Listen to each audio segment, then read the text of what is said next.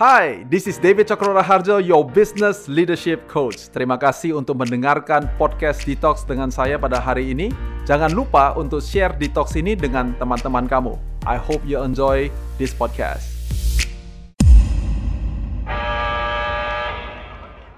What's up, David? How are you? Luar biasa, yes, yes, yes, yes, yes, yes, yes, yes, yes. Alright, mantap. So, David, uh, mengenai fear, some people would say that they prefer to be quiet daripada mereka harus masuk ke dalam sebuah perdebatan. Jadi ada sebuah ketakutan untuk berdebat. Um, what have you got to say? How do we fight this fear of debating? Oh ya, saya pikir khususnya kita di Indonesia kita punya kebiasaan untuk istilahnya berdebat dikasih tanda sama dengan uh, semuanya berkelahi.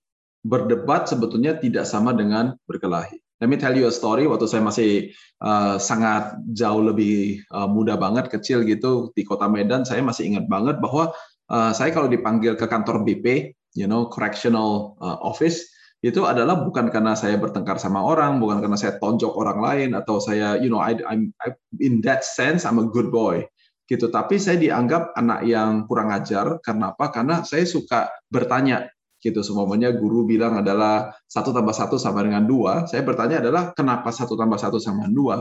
Nah so for a lot of people mereka tidak tahu kenapa a tambah b sama dengan c. Kenapa teori ini adalah uh, seperti demikian? Karena mereka pun cuma hanya mengingat dari apa yang mereka tahu. And sometimes pertanyaan-pertanyaan itu yang membuat uh, uh, seorang guru merasa bahwa saya lagi cari masalah sama mereka atau lagi bertengkar atau things like that.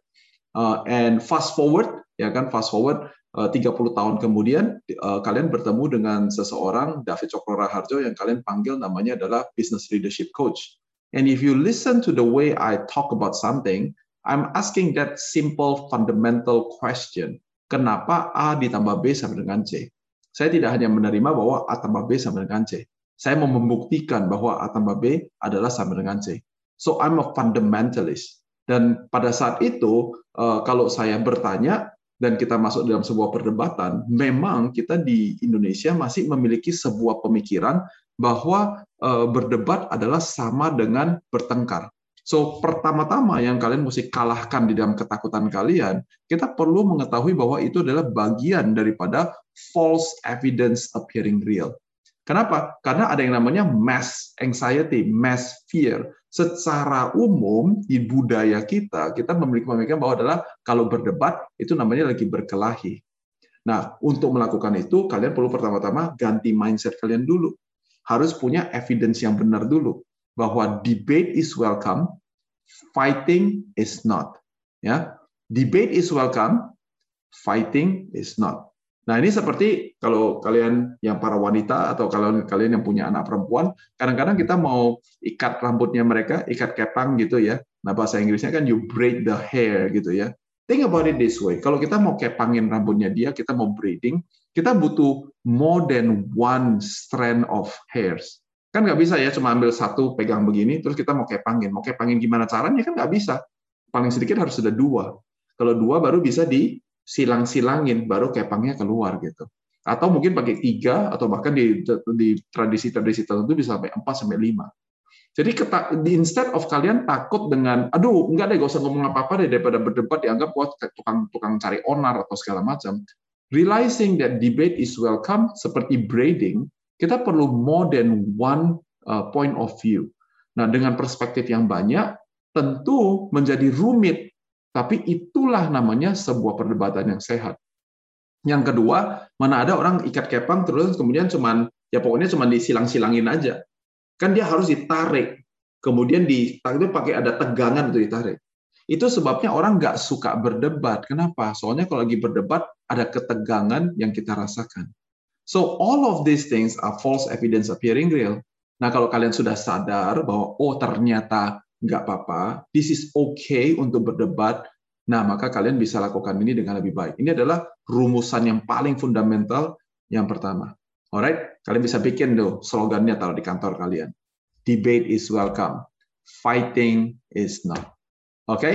Nah, sekarang kemudian kalau setiap kali orang tanya saya tentang berdebat dan semua semuanya, gimana caranya itu? Kalau gitu supaya kita bisa berdebat dengan baik.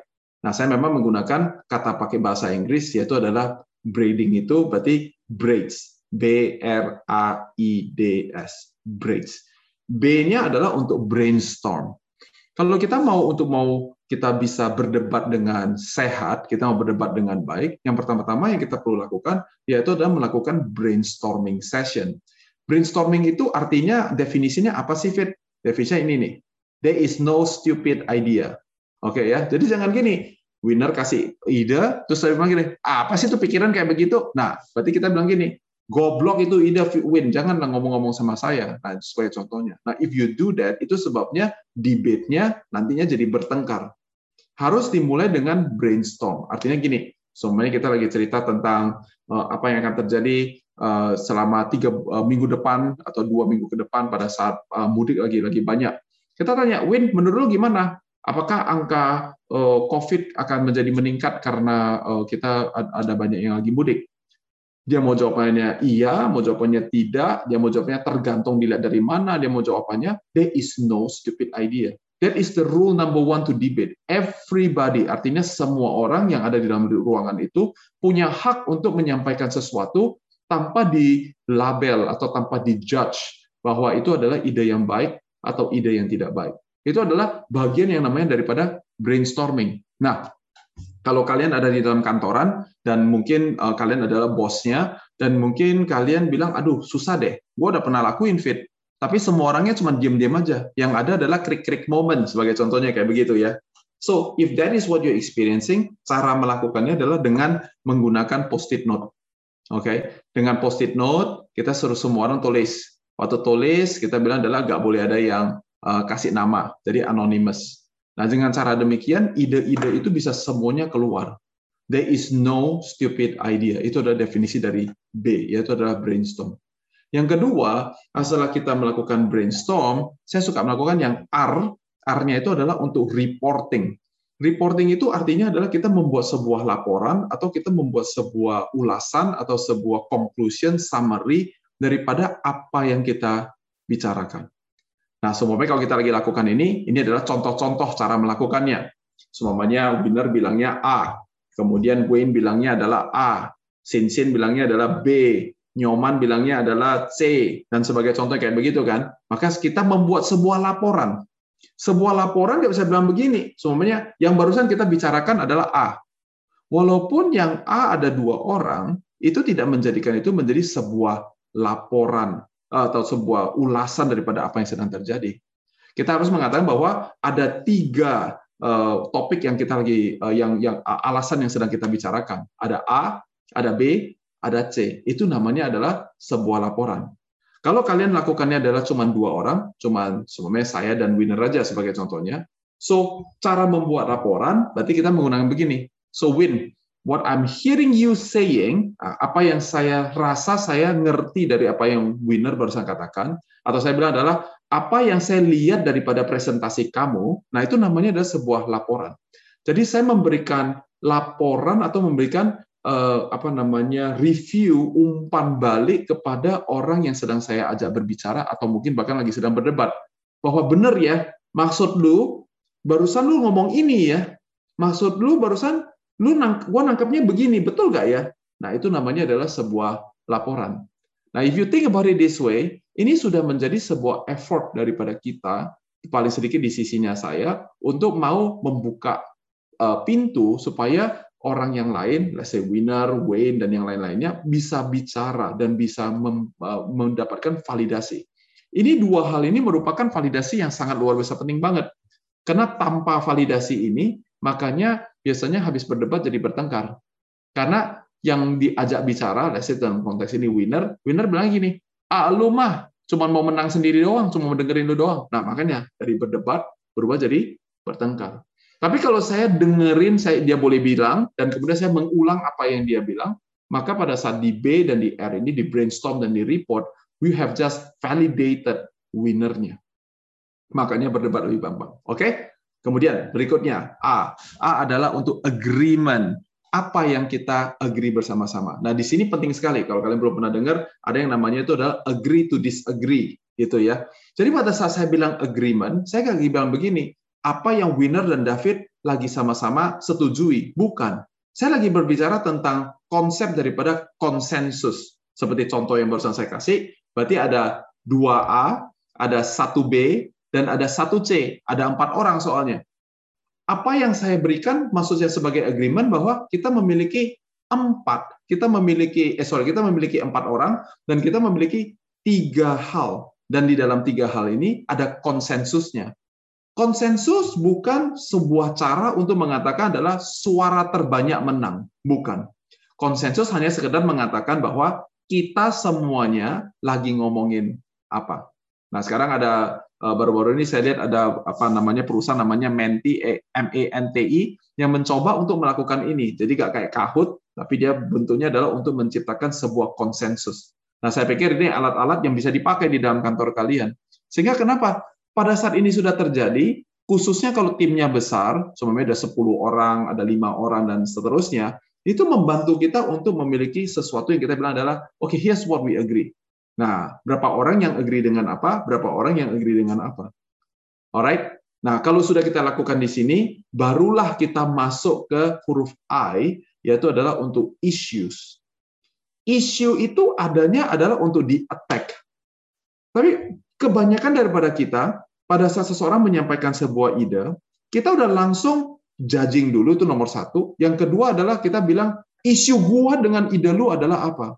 Nah sekali lagi itu akhirnya yang tidak memiliki fondasi sehingga akhirnya yang terjadi adalah kita bertengkar, tidak lagi menjadi berdebat. Oke? Okay?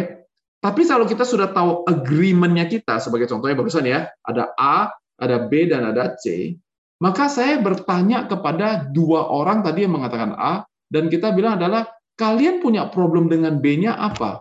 Kalian punya problem dengan C-nya apa? Dan sama juga untuk orang yang memilih B, ditanya, you punya problem dengan C-nya apa? Dan you punya problem dengan A-nya apa? Artinya itu terbuka. Perdebatan berbicara tentang dua ide atau tiga ide atau tujuh ide yang berbeda-beda, yang masing-masing memiliki perspektif mereka masing-masing. Dan oleh karena itu, masing-masing bisa mempertahankan dan juga men, mem, kalau boleh kata menyerang, menyerang idenya orang lain. Jadi contohnya kan ada dua orang, maka dua orang ini menjadi mengerti adalah kita sama-sama milih A karena nah 1 2 3 4 5 6. Mungkin winner cuma punya 1 2 3 4 5 6, tapi win punya ini adalah 1 2 7 8 9. Sehingga sekarang kita memiliki 9 hal kenapa kita mau melakukan A. And so on and so on and so on. Itu namanya issues. D cerita tentang discussion. Nah, di sini nih yang penting. Kalau sudah cerita tentang discussion, cuma ada satu parameter atau satu trik yang saya mau ajarkan sama kalian, yaitu adalah seperti yang kalian sudah sering sekali lihat saya lakukan, menggunakan kurva X dan kurva Y, atau aksis X dan aksis Y. Diskusi itu jangan cuma sekedar ngomong tok, tapi kita menggunakan sebuah cara untuk kita bisa merealisasikan atau memvisualisasikan apa yang sedang kita mau discuss bersama-sama. Sekali lagi, kita bisa mengatakan bahwa oke, okay, kalau begitu setuju gak ya? Apa yang tadi A katakan, yang kalian katakan tentang A, itu semuanya bisa dirangkumkan dengan tiga, tiga kata atau tiga hal. Nah, sekarang kalau yang B, juga kalian punya dua hal, dan yang C kalian juga punya dua hal. Dari semuanya ini, tetap ada dua parameter yang kita sebetulnya sama-sama mau. Cuman parameter ini ada yang eh, apa namanya yang kita lihatnya dengan cara yang berbeda. Maka kita buatlah aksis X dan buat aksis Y. This is how I debate with people. Termasuk kalau saya lagi berdebat dengan istri saya dan juga kalau saya lagi berdebat zaman-zaman sekarang sama anak remaja saya. So I brainstorm, I allow her to say anything that she wants. There is no stupid idea kemudian saya membuat sebuah summary, saya membuat sebuah laporan, ini yang yang saya dengar lu ngomong ini bukan ya. Kemudian kita masuk ke dalam sebuah konsensus, sebuah agreement, I take issues with it, and then we discuss. Saya bilang, oke okay, kalau gitu berarti kita lihatnya dari dua cara pandang ini ya, dari dua perspektif ini dulu. Nah kalau dalam dua perspektif ini, maka kami membuat sebuah discussion. Saya paling sering dan paling suka menggunakan aksis X dan aksis Y, karena itu memberikan pada saya minimum a matrix dua kali dua.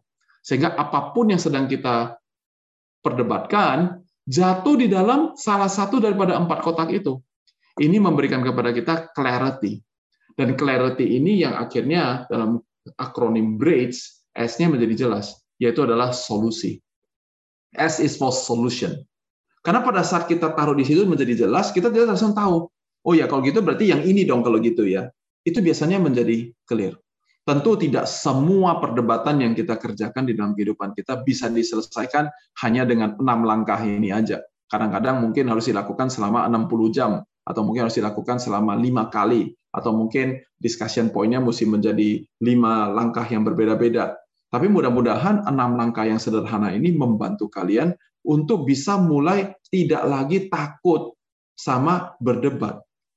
Ingat, ikat kepang rambutnya seorang wanita itu dia mesti ada ketegangannya.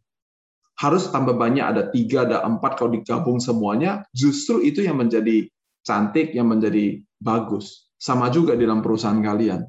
When you do braiding, when you are debating with your team, mungkin ada ketegangan. Mungkin ada sedikit kayak, kok gini aja, lu masih terus gak ngerti, kita udah kerjasama tiga tahun, masa masih gak ngerti, atau whatever you may be. Tapi yang saya bisa garansi adalah pada saat kita berdebat, hasil akhirnya mendapatkan sebuah solusi. Dan solusi itu yang akan membuat produk kalian lebih keren lagi. Solusi itu yang akan membuat cohesiveness pekerjaan eh, antara para pekerja di dalam kantor menjadi semakin akur, menjadi semakin akrab. Oke, okay?